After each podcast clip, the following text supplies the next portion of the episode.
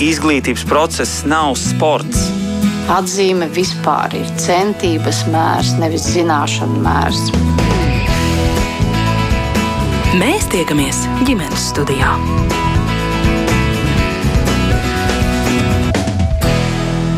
Labdien, rādījums ģimenes studijā sāk savu skanējumu, un jūs sveicina tā producenta Ilza Zvaigzne. Mans vārds ir Agnese Linka. Mobilais tālrunis jau sen vairs nav vienkārši balss pārraides vai datu komunikācijas rīks. To ir jāmāk lietot atbilstoši sabiedrībā pieņemtām, bet tomēr nevienmēr tādām skaidri formulētām normām. Lūk, piemēram, 80% Latvijas iedzīvotāju kaitina tas, ka citi cilvēki publiskās vietās savā telefonā skaļi bez austiņām klausās mūziku vai skatās video. Daļa šādās situācijās arī reaģē un ir aizrādījuši tiem, kas tā dara. Savukārt aptuveni trešdaļa jauno vecāku ļauj saviem bērniem publiskās vietās, šādi nelietojot austiņas, skatīties video vai klausīties mūziku.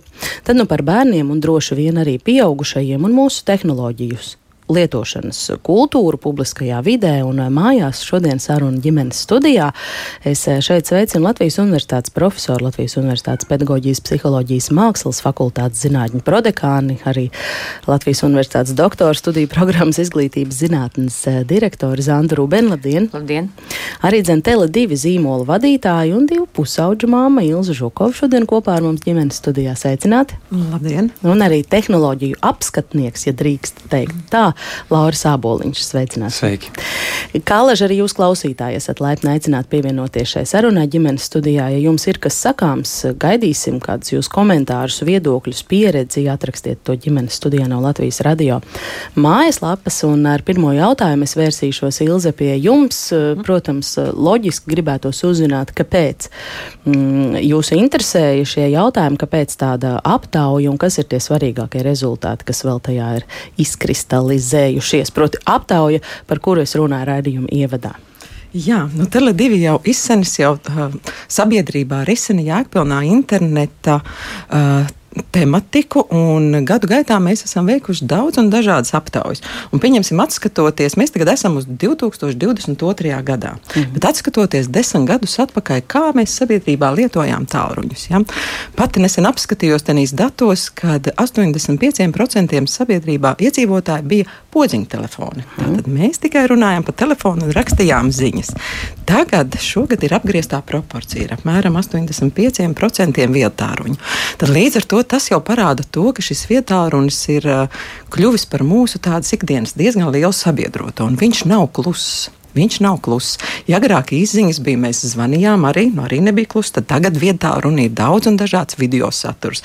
Mēs klausāmies mūziku, skatāmies filmas, un nevilšas tad ir tāds jautājums, kā tad, kā tad mēs ar šo mūsu pagarinājumu, ar šo vietā runu iedaramies šī sabiedrībā. Ja? Kā mēs, vai tas traucē vai netraucē, pieņemsim apkārtējos, jo paši jau vien arī mēs redzam, kad aizdodoties uz kādiem pasākumiem, šad tad iezvanās telefons. Um, esot sabiedriskās vietās, vai pieņemsim ģimenē pie galda, kāds piezvan uzreiz. Pieceļamies kājās, metamies atbildēt, vai nedod Dievs tur operā vai teātrī. Kādam kādas ārijas laikā ieskan pēkšņi iezvanas telefons. Jā. Līdz ar to mēs saprotam, ka šī lieta par viņu ir jārunā. Jā, par viņu ir jārunā un, un jāaktualizē. Un tādā veidā mēs arī veicām pētījumu sabiedrībā ar zinām, pētījumu firmu Norštatu, apveicājot apmēram tūkstotis Latvijas iedzīvotāju vecuma posmā no 18 līdz 74 gadiem tieši par šo tēmu, kā vietārunis, kā viņi lieto vietārunis sabiedriskās vietās, vai klausās mūziku skaļi, vai tas traucē, kāda ir viņu reakcija, kā arī pētījām vairāk šo tēmu tieši par, par vietālu lietošanu dažādās ģimenēs un saviesīgos pasākumos. Jā, pieņemsim, cik daudz mēs veltam uzmanību viens otram un cik daudz tomēr liecamies pēc šī telefona, lai, lai kavētu un īsinātu laiku.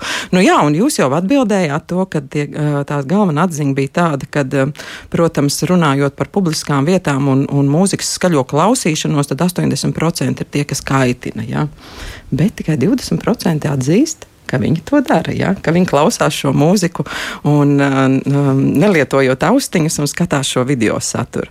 Tad 13% arī uzdrošinās aizrādīt, kas ir ļoti labi varbūt tās, jo tad ir, nu, mēs jau redzam, ka sabiedrība sāk pašregulēties nedaudz, ja? kad ir kaut kādas, uh, kad uh, kaut kādas, uh, nu, ka mēs jūtam, ka kaut kas traucē mums, tad mēs aizrādām. Un tad, protams, aktualizējās tas jautājums par to, Kā tad, um, kā tad būtu pareizi lietot, un vai šeit nevajadzētu ieviest kādus arī etiķetes jautājumus tādā visā? Tā, kā, tā ir viena tāda pētījuma daļa, un otra, protams, bija par to, kā mēs uh, kā cilvēki eh, viens otram, cik mēs daudz viens otram veltam uzmanību.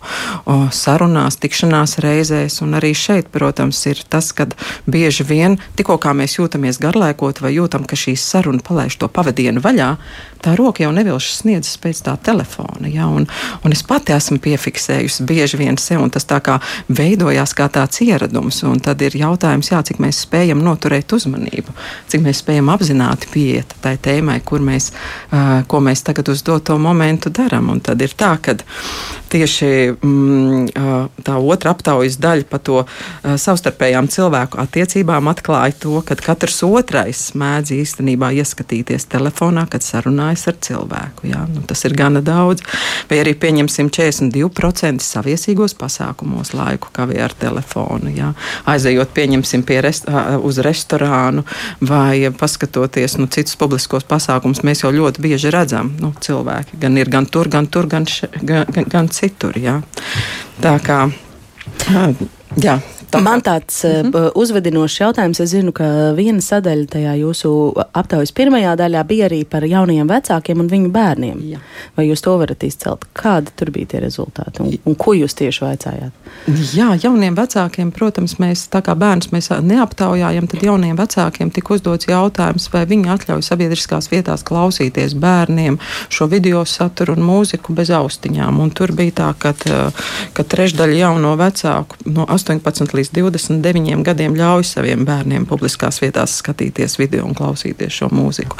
Nu, līdz ar to šeit arī, šeit arī tā šī bērnu kategorija, kas, nu, šie bērni, kas piedalās tajā publiskajā vidē ar šo skaļo saturu. Jo agrāk, ja mēs padomājam, ka pirms kaut kāda laika, nu, mēs jau visi arī sabiedriskās, braucot tādā pašā tramvajā, lasījām avīzes grāmatas, bet avīzes grāmatas jau nerunā skaļi. Neskanēja. Neskan, neskan. Jā. Tas ir mēdījis, kas neskan. Tagad mēs visi skanam. Mm -hmm. Es eh, Laurai Rubenē gribu arī vaicāt un lūgt komentēt, vai kādi no šiem aptaujas rezultātiem jums šķiet interesanti, izceļami, varbūt satraucoši. Jāsaka, ka man kopumā aptāja šķiet ļoti vajadzīga un saulaicīga un kopumā interesanta. Mēs iegūstam tādu vispārēju priekšstatu par komunikācijas kultūru um, šajā brīdī uh, Latvijā. Un, un man, protams, ir dažādas pārdomas, un klausoties Ilzas uh, stāstījumā, es uh, ik, pa, ik pēc pāris teikumiem. Uh, Ilgas runā atzīmē, šeit ir runa par šo problēmu, te ir runa par to problēmu, tur par to parādību. Uh, viens no, no aktuālākajiem, varbūt jāsāk ar to, ka um, vietāluņu invāzija, sauksim to tā, mūsu ikdienā ir izmainījusi cilvēku sociālos paradumus diezgan būtiski. To neparedzēja neviens, neparedzēja ne tehnoloģija ražotāji, ne, ne, ne, ne lietotāji. Un tā būtiskākā tendence ir tā saucamais tā narcisms, ja, varētu teikt, vērstība uz sevi. Jo mēs, komunicējot ar, ar tehnoloģiju, mēs vairāk uh, orientējamies uz sevi, iedomājieties tīkšķīšus, ja jūs zinat, kas ir tīkšķīši, ja? uh, tie ir laiki mm -hmm. uh, latviešu valodā. Mēs, uh, mēs pozicionējam sevi, mēs uh, reprezentējam sevi un skatāmies, kā tad uz mums reaģē uh, pasaule. Vairāk nekā kā mēs reaģējam uz pasauli. Uh, un, uh, un te, iespējams tas ir viens no tiem iemesliem, ka šī uh, kultūra, kas ir, kas ir pašbilžu kultūra un tīkšķīšu kultūra, vairāk domā par savu labizjūtu nekā par citu cilvēku labizjūtu. Nu, tāpēc mēs grēkojam, nedomājot, kā jūtas otrs man blakus. Paņemam, pagriežam šo pašu monētu uz otru pusi. Mēs saviem bērniem ļaujam klausīties mūziku bez austiņām, Jo paralēli sabiedrībā notiek ļoti nopietna diskusija par to, ka jaunieši, bērni pārvietojas visur ar austiņām un rada sev um, dzīvībai bīstamas situācijas. Ja? Tā kā šo te um, nu, patiesība ir acīm redzot kaut kur pa vidu. Ja? Uh, otra, uh, otra teorētiskā līnija, ko es varētu iezīmēt, ir, ir saistīta ar bailēm kaut ko palaist garām. Uh, nav uh, latviešu valodā vēl īsti izdomāts ekvivalents uh, abrīvijā abreviatūrai, kas angliski skan FOMO fear of missing out, bailes kaut ko palaist garām. Un tāpēc mums ir svarīgi tagad, tūlīt apskatīties šo video, no, noklausīties ši, šo podkāstu, jo, jo bail, nu, ir tās iekšējās bailes tā kā, tā kā, nu, nebūt, nebūt uzdevuma augstumos un lietas kursā, jo, bet informācijas vienkārši ir ļoti, ļoti daudz, un tāpēc mēs bieži vien izvēlamies neatbilstošas situācijas, varbūt, lai, lai šo te savu vajadzību apmierinātu. Interesanti ir, ka pēdējos, patiešām pēdējā gada laikā esmu pamanījusi Varbūt Lauris teiks, un, un, un Ilga ātrāk pamanījuši šo jēdzienu, jēdzienu uh, kas ir nevis FOMO, bet JOMO, ja, kas ir Joy of Missing Out. Ja, tā, tad tās ir prieks kaut ko palaist garām, kas saistās ar digitālo minimalismu, digitālo detoksu un tā tālāk. Uh, bet šobrīd sociālā zinātnē mēs visai būtiski pētām tādu parādību, kas saucās tehnoference, un tehnoference ir komunikācijas pārtraukums tehnoloģiju izmantošanas dēļ. Un tas ir tas stāsts par svinībām, un tas ir tas stāsts, ka mēs nesarunājamies, bet skatāmies telefonā. Uh, svētdien uh, mēs ar vīru bijām, uh, nu, kā jau kārtīgi latviešu tradīcija, iet svētdienā uz lielveikalu un pēc tam kaut kur arī paēst. Ja. Un man blakus sēdēja, tieši mums pie blakus galdiņa sēdēja ģimene, tēts, mamma, trīs bērni. Un, un tas bija nu, tipisks tehnoferences gadījums. Visi pieci sāka bija šajos telefonos un savā starpā nesarunājās. Ja. Un, uh, un tas, um, Man ļoti uh, patīk uh, frāze, ko, kas ir nedaudz citā kontekstā teikta. Uh, Konrāds Pauls Līsmans savā grāmatā Izglītība kā provokācija. Viņš saka, ka uh, mē, uh, mūsu problēmas rotās no ne, nepareizi izprastas vaļas.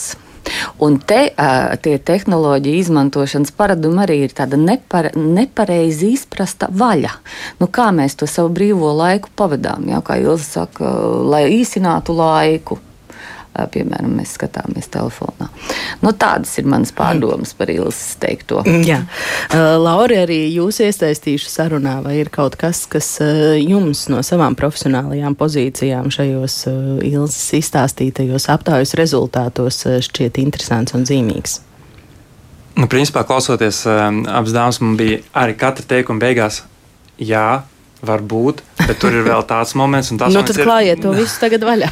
bet, Jā, es eh, kaut kā mēģināju, mm, klausoties eh, nobeigumu, savilkt vienā kaut kādā domu graudā. Man šķiet, ka tas, kā sabiedrība pēdējos 10, eh, 15 gados ir attīstījusies, liecina par to, ka potenciāli cilvēkiem kļūst neinteresanti būt ar cilvēkiem. Un satura radītāji, kurus kaut kādā mērā arī pārstāv es, tiesa gan ne tādā izpratnē kā TikTok, Instagram un šādas lietas, Viņi rada to kultūru, kad īsā laikā tev, kā šāda satura patērētājiem, ir jāspēj um, ar FOMO visdrīzāk ietekmi noķert tās 15 sekundes, pārslēgties uz nākamo, pārslēgties uz nākamo un attiecīgi iesaistīties kaut kādās kaut kādā pusstundas sarunā, uh, restorānā pie galda, kļūst jau pārāk gari, pārāk uh, neinteresanti, varbūt pat mokpilni kādam, jo tu nedabū to ātrā adrenalīnu uzrāvienu uh, savām smadzenēm, kad tu esi ātri uzņēmis informāciju.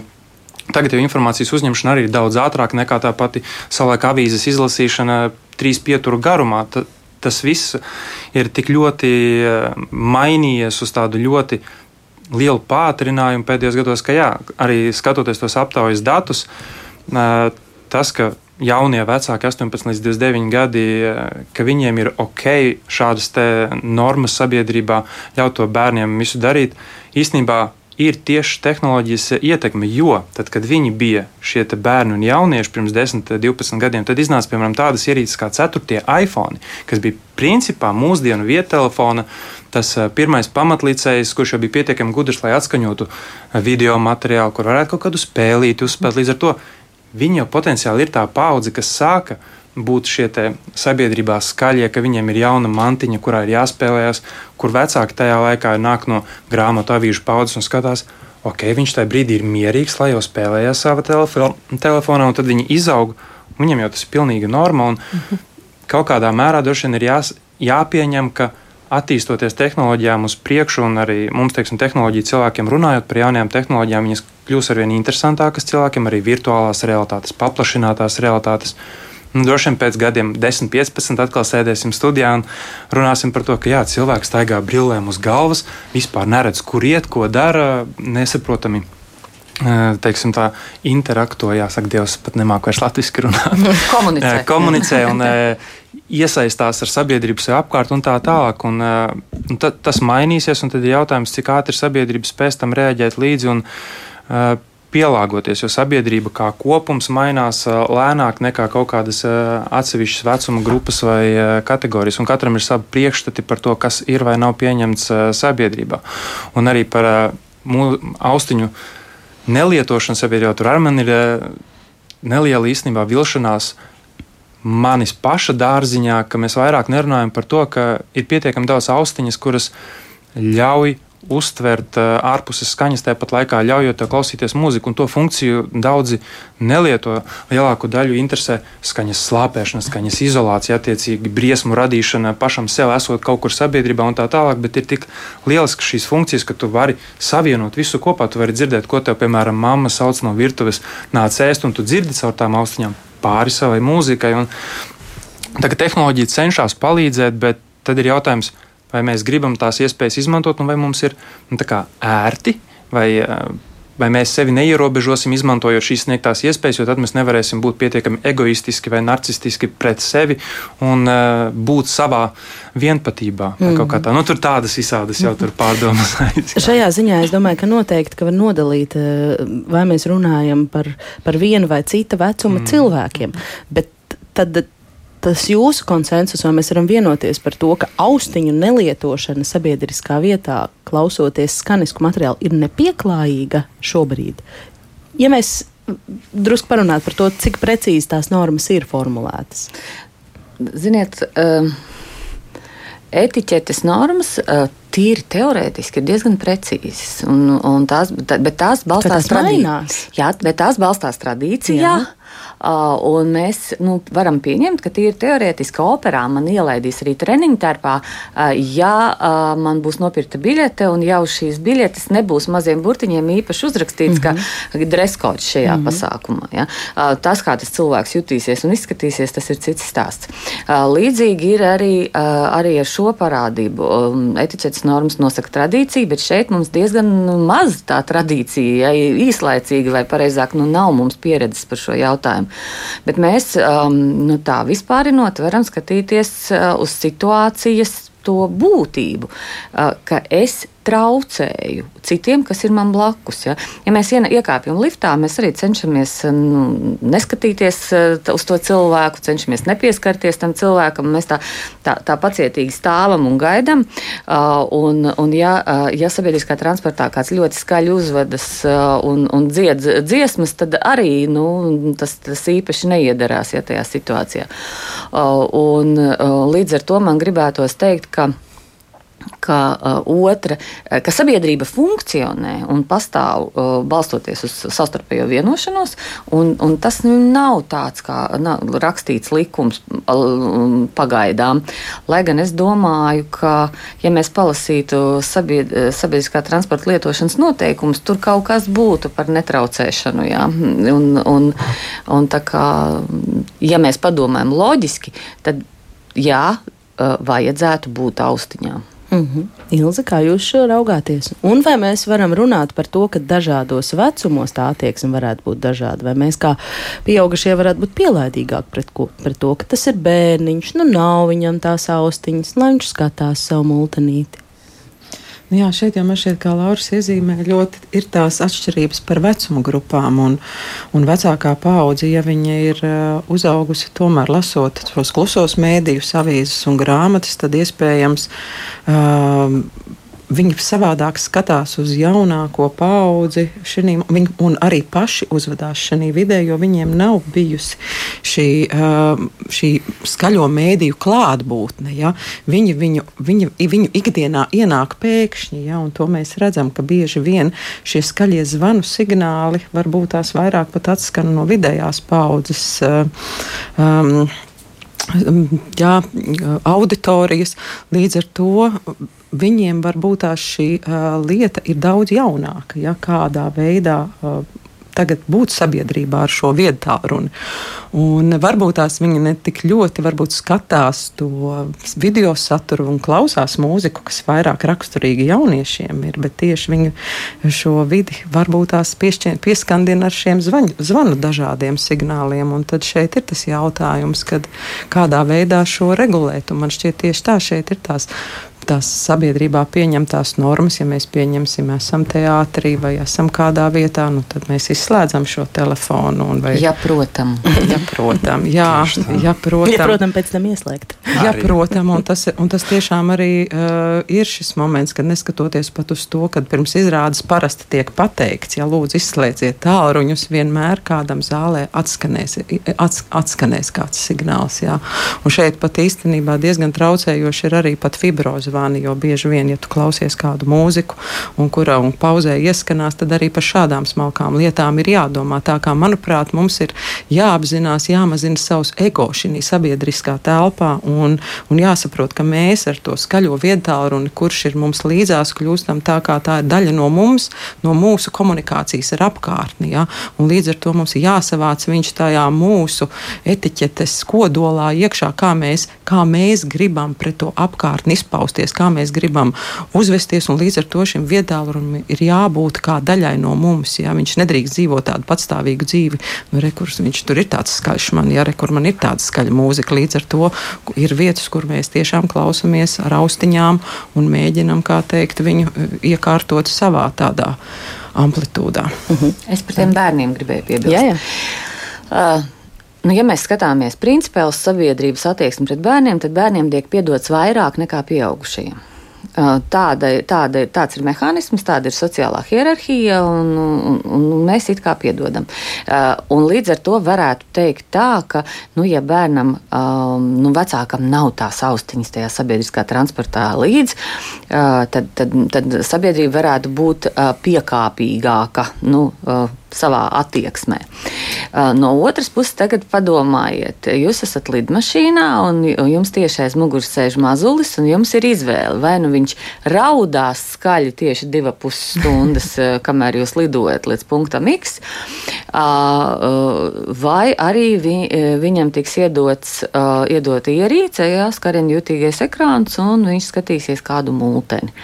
Nu, un, un, un, un tas ir gadījumā, ja tās austiņas, piemēram, nav Es domāju, ka mēs tā īsti nevaram novilkt svītru. Vecākiem gan vajadzētu, vajadzētu pieņemt, ka, uh, ka uh, noteikumi sabiedrībā attiecās uz visiem arī uz bērniem. No otras puses, mēs šobrīd dzīvojam laikmetā, kur mēs audzinām bērnus bērnu centrēti un sabiedrība ir bērnu centrēta, un mēs orientējamies uz bērnu vajadzību apmierināšanu pirma, pirmajā vietā vai pirmkārt. Tas varētu būt izskaidrojums, kādēļ vecāki uzskata, ka tam bērnam ir lielākas tiesības klausīties skaļi video skatīties video sabiedriskā transportā nekā pieaugušie. Mm -hmm. Un droši vien, ka var arī diskutēt par to, cik skaļi ir skaļi patiesībā, vai ne? Nu, par pusauģiem runājot, pusaudzes, kas nelieto austiņas, mēs vispār varam tādu iedomāties? Jo katrs sevi cienošs pusaudzis ir ļoti piesardzīgs attiecībā pret savas ierīces privātumu un pret tā satura privātumu, ko viņš tajā lieto. Kāda ilgs varbūt jūs novērojam kā mammai par pusaudzēm? meitām, domājot. Jā, jo pie manas meitas nāk mājās gan ciemoties pusauģi, gan es pati brīžiem novēroju šīs pusauģu grupas.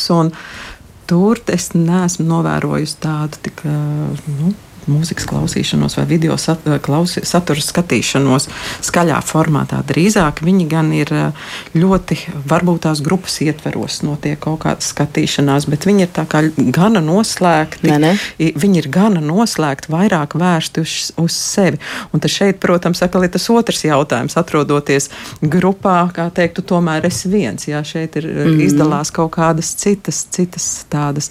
Tā kā es, pieņemsim, runājot par savām meitām, neesmu manījusi tādu skaļu klausīšanos, bet šeit ir cita varbūt tās lieta. Atrodoties varbūt koncertos vai kādās sabiedriskās vietās, šeit ir uh, selfiju veidošana, taisīšana. Jā, un, un tad jautājums ir Arī kas ir tavā fonā, vai, vai, vai, vai šī selfija veidošana, pieņemsim, ir tāda nu, arī komfortabla apkārtējiem, jā, kad, kad šeit ir arī šādām lietām jāpievērš uzmanība vairāk. Bet par šo skaļumu varbūt tās viņiem visiem tur ir austiņas. Vai ne? Jā. Neatņemams. Um, Aira raksta, nesen salīdzinoši vērojusi epizodi transportā, nevarēja saprast dīvaino sarunu, kuru kāds astoņus vai deviņus gadus vecs puika risināja visai skaļi. Mikroautobusā pagāja kāds brīdis, un tikai tad sapratu, ka viņš sarunājas ar saviem online spēļu partneriem, tajā brīdī sapratu, ka viņam absolūti nav sajūtas, ka tas būtu citiem traucējoši vai kaut kādas kautrības par to, ko viņi tur savstarpēji bliež ārā. Lauri. Pilnīgi jūtu, ka šis eh, būs man, bet es arī jau eh, briedu kaut kādu brīdi pieliku klāt eh, mūzikai un video saturam.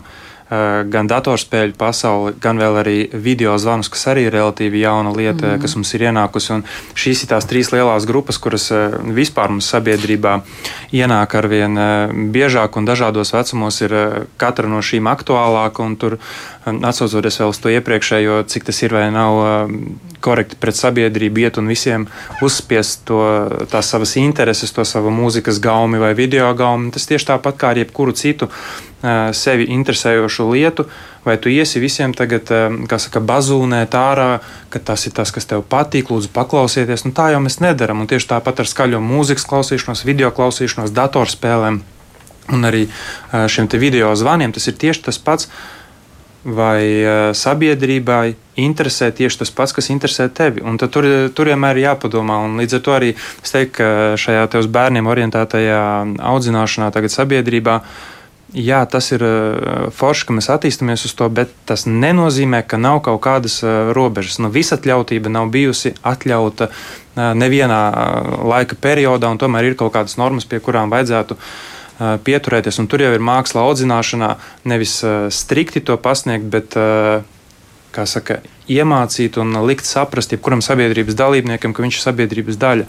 Bet video spēles ir arvien pieaugušāk invāzija, es teiktu, mūsdienu sabiedrībai, tīpaši šīs tiešsaistes video spēles. Jo ja agrāk es uzaugu ar video spēlēm, kur mans vienīgais krēķis bija, lai tikai nepārslēdz TV kanālu, jo tad man viss pazudīs.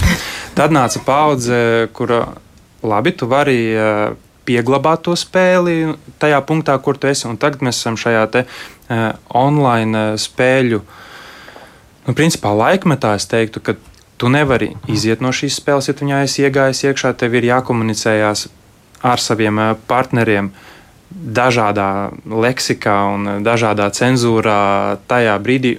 Un tev ieslēdzās eh, kā šīs pasaules dalībniekam nu, tāda tuneļa redze, ka tev viss apkārt uh, vairs ir, nu, Pasauli nu, neeksistē. Nav. nav. Arī tad, ja kādā, tu esi mikroautobusā. Kāds, ne, tu, tur jau tas jūtas, ka tu neesi mikroautobusā, tu esi tajā brīdī savā cik nu, liels tev ierīces ekrāniņš ir, un tev notiek tajā brīdī tur kaut kāda jēga, kaut kāds, eh, kā saka, actions, mm. un visu, un eh, nedod Dievs, kāds aizrādīs vai vēl kaut ko, un tu pat nekontrolē vairs savus skaļumus, tāpēc kaustiņās vai pat skaļi atvērti. Eh, tev ir tāds skaļums, ka tur no visām malām viss kaut kas tev ņirb un dārda apkārt, ka tev vispār neinteresē vairs, kur tu atrodies. Un tu esi tā kā, tā kā sabiedrībā, bet uh, savā neredzamajā čaulā caur. Uh, ārpus kuras tu neizkāp. Nu, tas ir pilnīgi kaut kas cits. Mm -hmm. Tāda.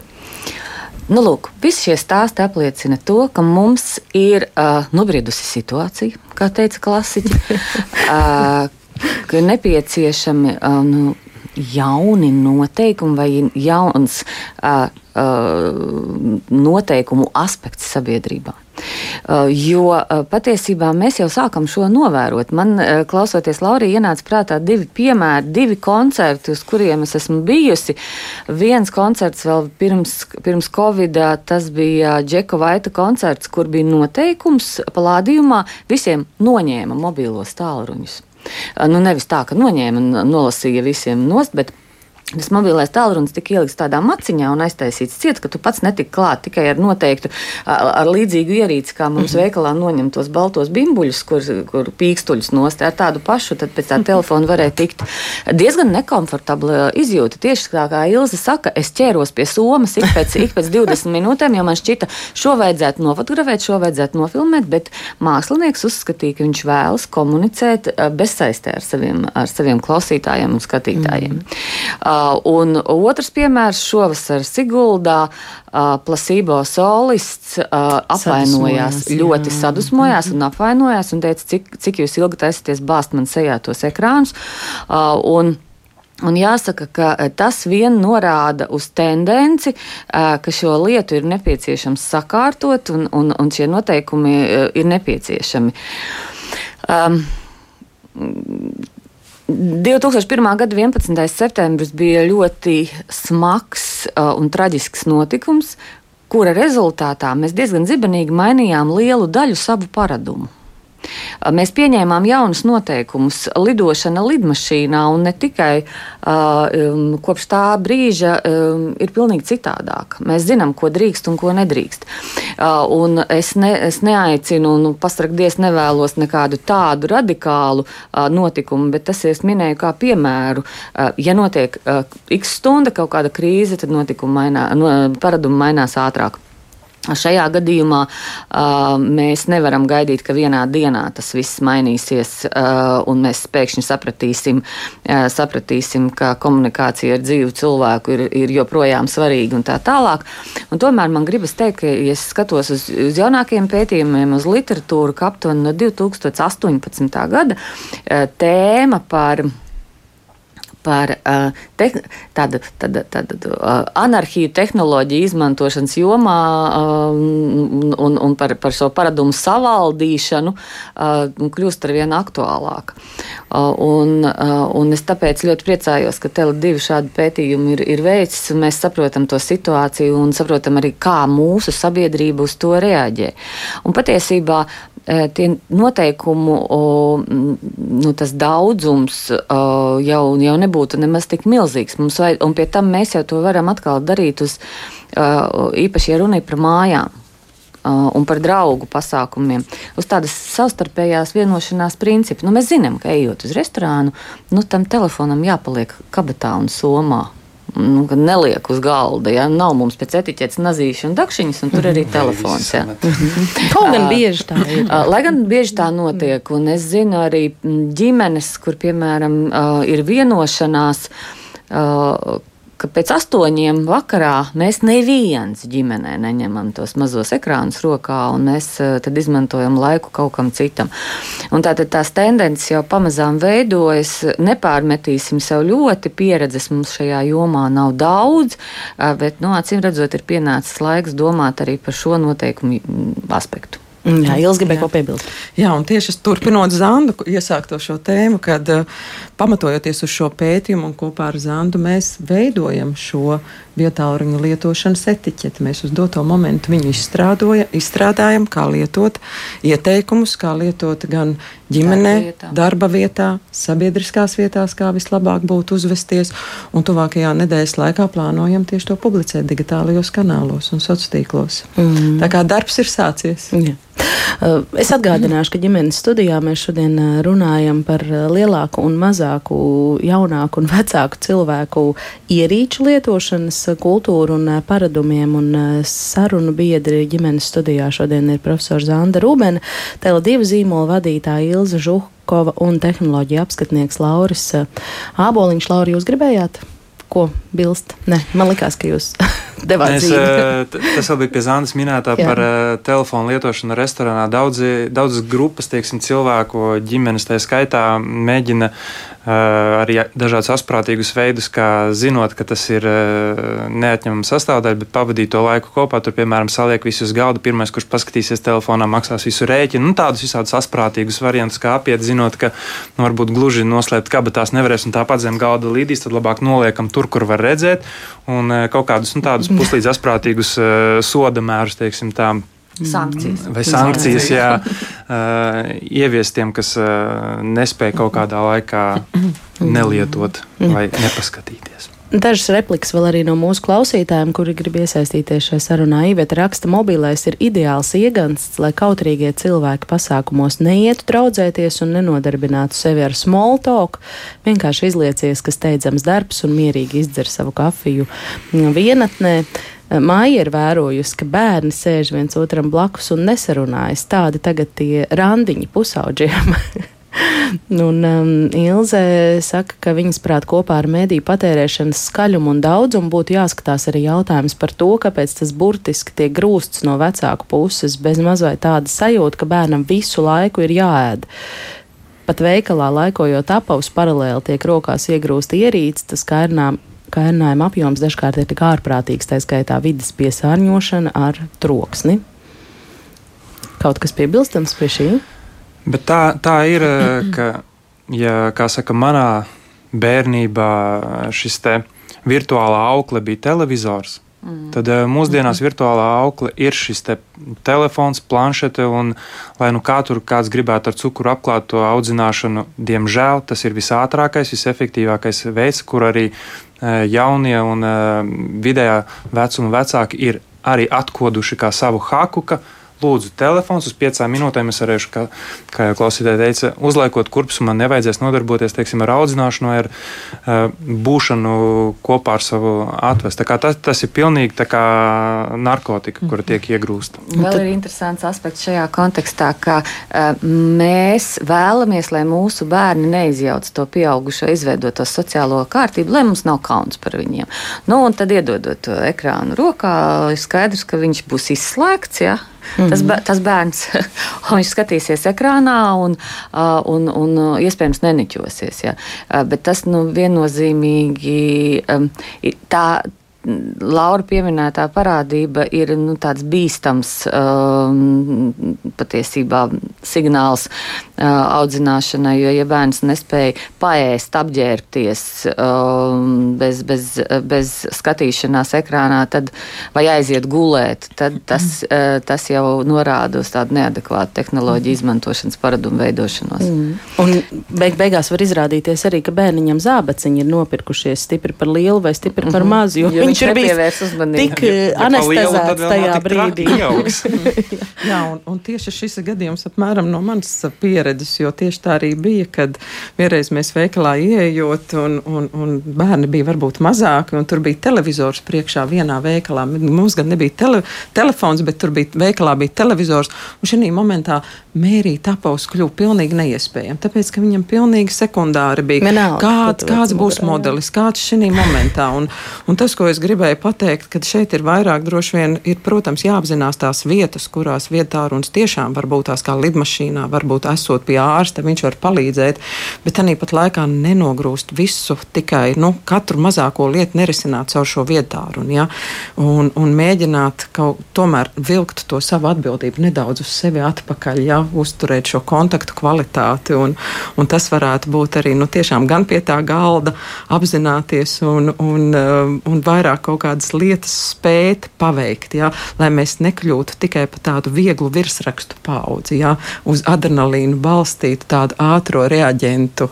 Um, Vairāk uh, kā tendēt uz tādām lietām, tā kā šeit, nu jā, šeit vecākiem ir jāskatās līdzi, kur ko kā un nepārspīlēt droši vien. Mm -hmm. Zana. Man ienāca prātā, Ilzē, klausoties vienu pētījumu, vairāku pētījumu patiesībā rezultāti. Mēs jau minējām, ka šobrīd mēs audzinām bērnus uz bērnu vajadzībām orientēti. To sauc par intensīvu audzināšanu, mēdz teikt par hiperaprūpi, kas jau vairs nav labi, bet sauksim to par intensīvo. Un tā intensīva audzināšana sākas pirms bērnu dzimšanas, un vecāki ļoti, ļoti grib būt perfekti. Vecāki ļoti cenšas iet uz visiem vecāku skolām un visu dara un tā tālāk. Problēma ir tā, ka pēc pētījumiem aptuveni, tad, kad bērns ir sasniedzis divus, trīs gadus, vecāki ir piekusuši. Viņi ir ļoti pārguruši, viņi vairs šo intensitāti izturēt nevar.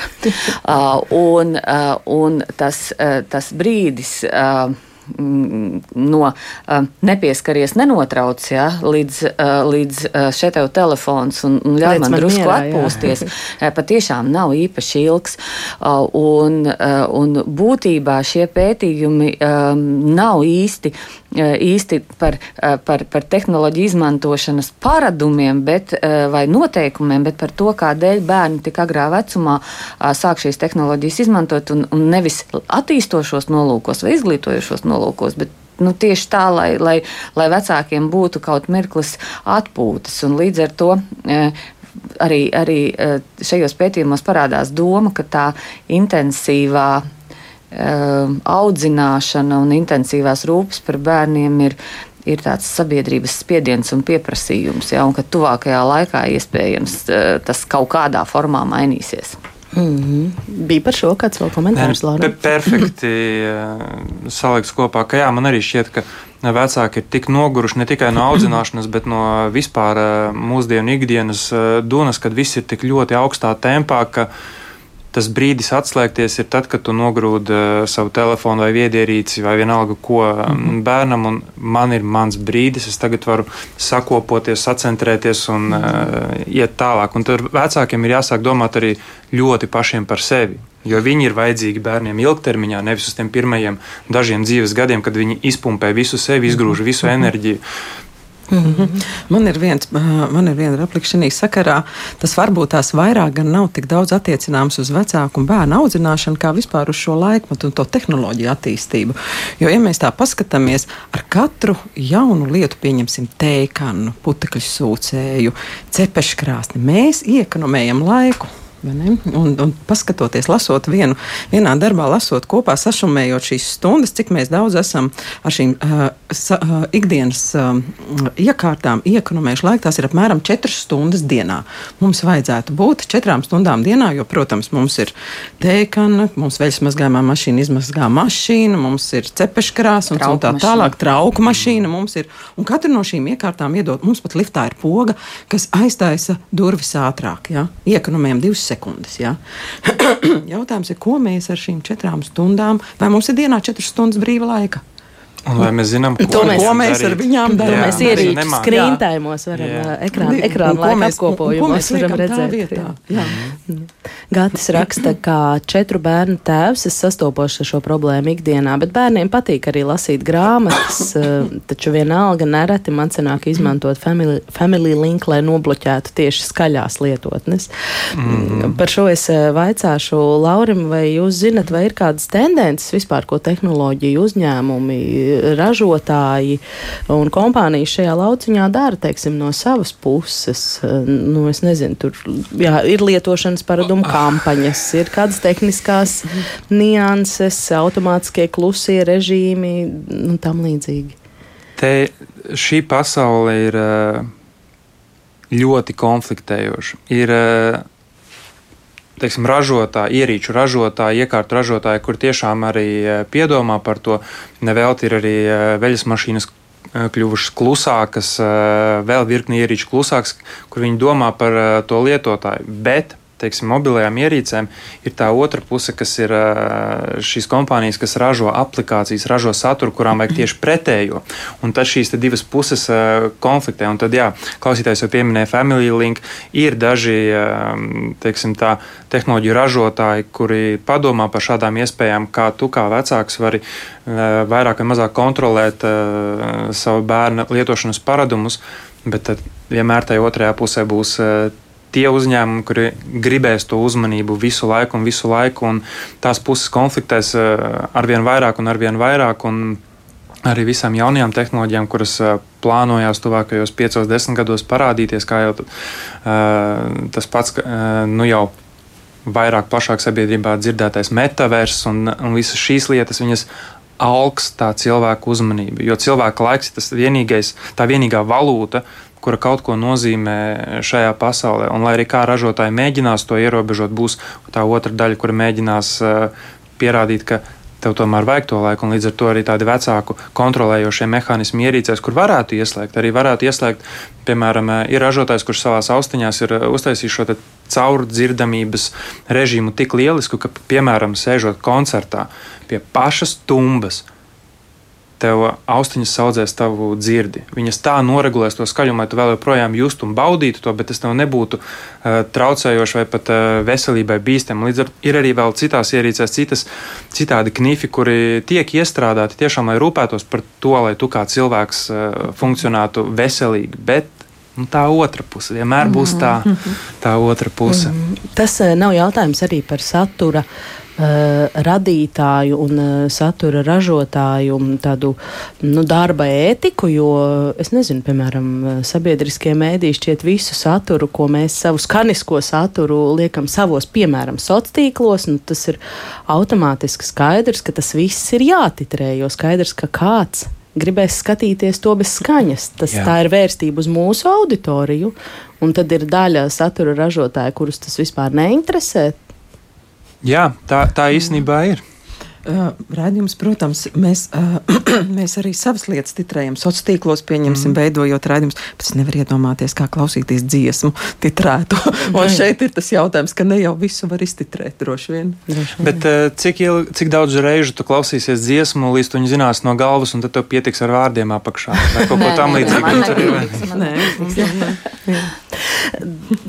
Ilzi jau pieminēja, ka jūs veidojat tā, tad, tādu sabiedrisko līgumu. Tā te, sauksim to tā, tādu konsensus par to, mm, kāda būtu ierīču lietošanas eh, etiķete Jā, sabiedriskās etiķete. vietās, bet ja mēs vēl nedaudz parunātu par to mājas vidi, uh, kas ir tas, par ko mēs šeit varētu runāt, kā par paradumu veidošanu, tā nozīmība un, un, un arī tāda savstarpējo attiecību kultūra, jā, jo, nu, viens ir vecāki uzstāda noteikumus, piemēram, nelietosim viedierīces pēc pulkstens astoņiem, bet tam tomēr būtu jābūt nu, tādam vienošanās procesam, kur dažādām paudzēm un dažāda vecuma cilvēkiem varētu būt grūtības to izdarīt. Bet arī mājās tā ir tā savstarpēja mm. attiecība kultūra, vai ne? Jā, atkal pieminēšu pēdējo gadu pētījumus.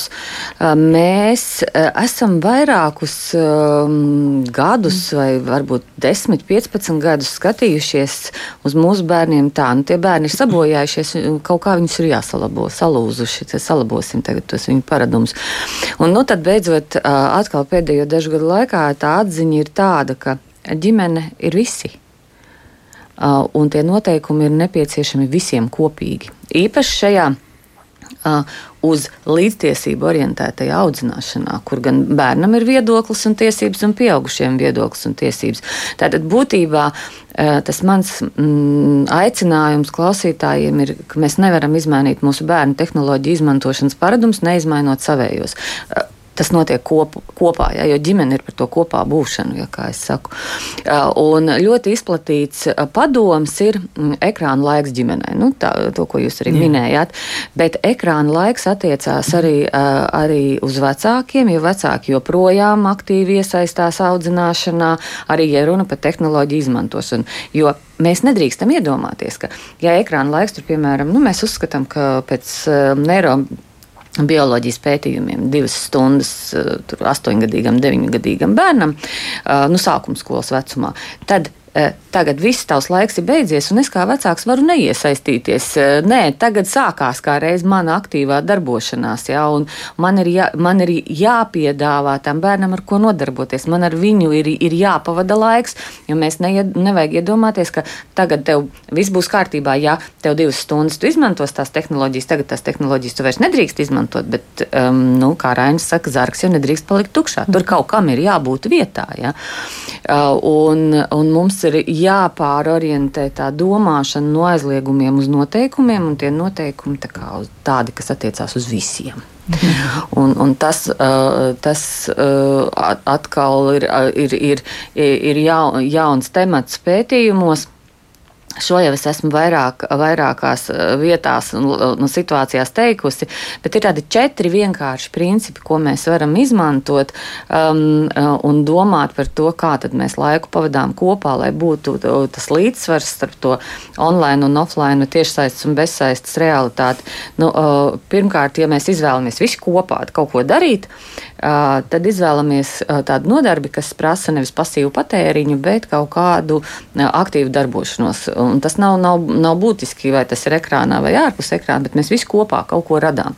Ot, otrs princips, nu, tad mēs kaut ko radām tādu, kas ir taustāms, redzams tajā fiziskajā pasaulē. Uh, treškārt, uh, izvēlamies nodarbi, kas prasa komunikāciju, jo mūsu bērni lieto tos skarienjūtīgos ekrānus uh, uz pilnu klapi, bet nerunā pa šiem telefoniem. Ja? Tātad viņiem ir nepieciešams runāt. Un ceturtā, ceturtais princips, ja mēs izvēlamies visu kaut ko kopā darīt, tad ejam ārpus mājas. Un, un tā, tā doma, ka, ka noteikumus mēs veidojam visi kopā, ir, ir patiesībā diezgan nērta doma vecākiem.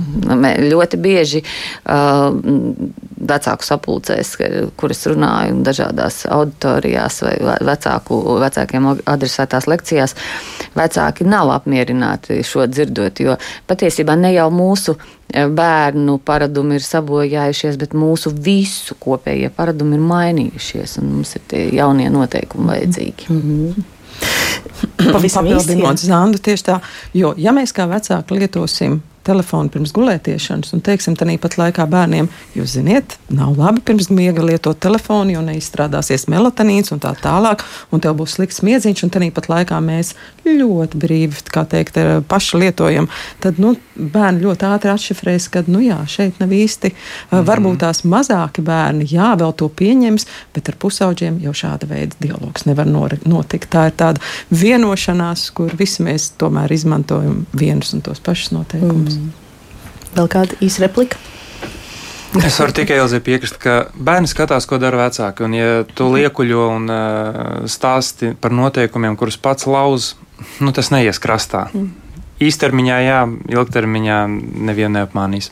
Mm. Un es no savas puses vēl varu piebilst, ka iespējams mājās tie noteikumi un aicinājums lietot austiņas varētu būt pretējā virzienā, jo tad mēs kā vecāki nezinām, ko tas bērns tur dara. Ja viņš mm. tiek mudināts klusiņām uzlikt austiņas un darīt kaut ko savā viedierīcē, vai ne? Mm. Un vecākiem ir jāzina, ko bērni dara, ir jāpainteresējās, jo tādā veidā viņi vairāk arī to bērnu izpratīs un būs vairāk tās tēmas, par ko runāt. Jā, jā, es atceros jūsu stāstu, kā jūs spēlējāt Sims ar meitām kopā. Jā, nu, jau droši vien citas aktuālās lietotnes. Paldies par sarunu ģimenes studijā. Es šodien teikšu Tele divi zīmola vadītājai, arī divu pusauģu mammai Ilzai Žukovai, arī profesorai no Latvijas Universitātes pedagoģijas, psiholoģijas un mākslas fakultātes Zandē Rubenai un arī tehnoloģija apskatniekam Laurim Āboliņam. Paldies, ka dalījāties ar savām zināšanām, viedokļiem šodien ar ģimenes studijas klausītājiem. Šo raidījumu veidoja Ilza Zvaigzne, Katrīna Bramberga, pie mikrofona bija Agnes Linka. D vitamīns ir svarīgs un nepieciešams mazuļu balstu un kustību aparāta galvas, smadzeņu un imūnās sistēmas attīstībai, un šobrīd Latvijā top jauns, ļoti apjomīgs pētījums tieši par D vitamīna nozīmību un arī dzelzs deficītu grūtniecēm Latvijā. Latvijā. Par to rīt plašāk runāsim ģimenes studijā, kā vienmēr no diviem līdz trijiem. Klausieties mūs arī podkāstos, mobilajā lietotnē un sekojiet sociālos tīklos uz sadzirdēšanos.